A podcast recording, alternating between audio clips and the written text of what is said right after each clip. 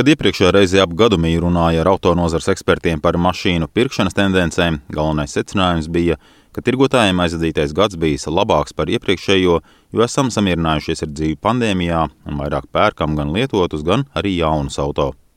Turklāt, neraugoties uz cenu kāpumu, Krievijas sāktais karš Ukrainā ir izrādījies nozīmīgs iemesls sadārdzinājumu turpinājumam. To ar savu piemēru ilustrē autoeksperts Oskars Irbītis. Un arī pēc savas pieredzes var teikt, ka tas pats nomainīja automobīli augustā. Tad šobrīd pusgadu laikā automobīļu vērtība nevis ir kritusies, bet augusi pat par vairākiem tūkstošiem.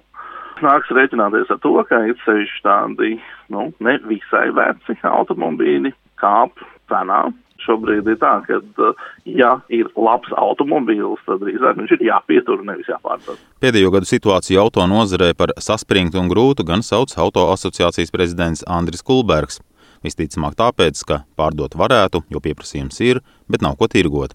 To ietekmēja pandēmijas diktētās loģistikas problēmas, izējumateriālu cenu kāpums, enerģijas sadārdzināšanās un it īpaši pusvadītāju jeb mikroshēmu trūkums. Nu, tā visa fona, kad auto industrija mēģināja risināt šīs problēmas, protams, kad uzskats uz kakla šī nelaime, kas notiek Ukrainā, un tā ir vēl tieši ietekmējusi auto industriju, jo īpaši tieši Ukraina bija liels piegādātājs eh, svarīgākajiem elektroinstalācijas mezgliem, tātad mašīnas galvenajiem vadu kūļiem, kas ir eh, bāzes mugurkauls visai elektronikai, nu, tas radīs eh, daudzām markām, vairāk gan tas ir Rietumēropas markām, bet ne visiem modeļiem. Tātad nevar teikt, ka, piemēram, tur Volkswagenam visiem modeļiem ir problēmas, vai? bet tas ir konkrētiem modeļiem, konkrētām markām, bet daudzām, nu, tas ir pat ir radījis situāciju, kad ir par mēnesi, diviem, pat trījiem ir apstādināta ražošana, lai sakārtot šo piegādes no, no citurienes. Otrakārt, piemērotās sankcijas ietekmējušas izēvielu piegādes arī no Krievijas. Palādījums, kā cēlmetāls, aptuveni 25% no pasaules piegādāja Krieviju Lādījums tieši tiek izmantots iekšzemes katalizatoru ražošanā, tad, tad momentāli sākā rasties eh, trūkums un arī cenu kāpums šeit, nu, un viss tātad loģistika jāpārkārto. Un, un otrs, protams, niķels, kas ir eh, plaši izmantots elektroauto bateriju ražošanā, kas nāca aptuveni 50% no Krievijas. Nu, tas ir tiešā veidā ietekmējis arī gan ražošanu, plus, protams, arī nopietni cenu kāpumu dēļ enerģetikas sankcijām un krīzes. Un tas viss atstāja nopietnu iespaidu uz auto pašizmaksu un uz ražošanas ilgumu. Tāpēc pašlaik, ja pasūta jaunu un populāru modeļu automašīnu, pircējiem jārēķinās ar 8 mēnešu gaidīšanas laiku, bet tagad līgumos jau tiekot uzrādīti pat 12 mēnešu piegāžu termiņi. Vēl ilgāk varot nākties gaidīt iekāroto elektroautorātu. Un, tā kā auto ir kļuvis par deficīta preci, neizbēgams ir arī cenu kāpums. Kulbergs stāsta, ka pērn novērotajam vismaz 10% cenu kāpumam šā gada sākumā pievienojās nākamie 10%. Taču kara ietekmē ražotāji jau tagad ziņo, ka vasarā, kad sāks mainīties modeļu gads, būs vēl 6 līdz 8% cenu kāpums uz rudeni. Ir piemēri, kad no 18. gada modeļiem uz šobrīd ir kāpus cena 20%, nu un klāt vēl šie, nu tad būs 25-26%, ko no 18. gada skatoties. Ja.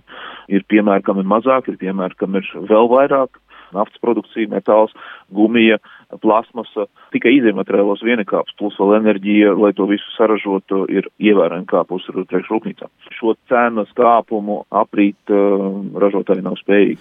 Autoeksperts Irbīts papildina, ka līdz ar jauno auto būtisko sadārdzināšanos cenas kāpja arī mazlietotajiem. Pagājušais gads tātad bija arī laika apstākļu ietekmi, kur, piemēram, rietumvalstīs diezgan daudz automobīļu noslīka dažādās dabas kataklizmās, un līdz ar to, protams, pieprasījums pašās rietumvalstīs pēc jauniem automobīļiem ir strauji kāpis. Pārējās valstis, uz kurām auto tiek eksportēti, no tiem vairāk ir jāuzgaina. Tāpat vēl joprojām mums ir globālas problēmas ar um, mikroprocesoriem, jo automobīli varbūt tos pārējos dzelžus saražot diezgan vienkārši, bet um, ir grūtības uzražot vadības blokus. Līdz ar to, ja automobīliem, piemēram, vecākam automobīlim ir kaut kādas problēmas ar vadības blokiem, tad var gadīties, ka šīs rezerves daļas arī nav pieejamas. Savukārt autobūvas eksperts un autodetaļu kompānijas Car Vertical pārstāvis Matas Buzelis norāda, ka risks iegādāties lietotu automobīli sliktā stāvoklī pašlaik var būt daudz augstāks nekā tas bija piemēram pirms gada vai diviem.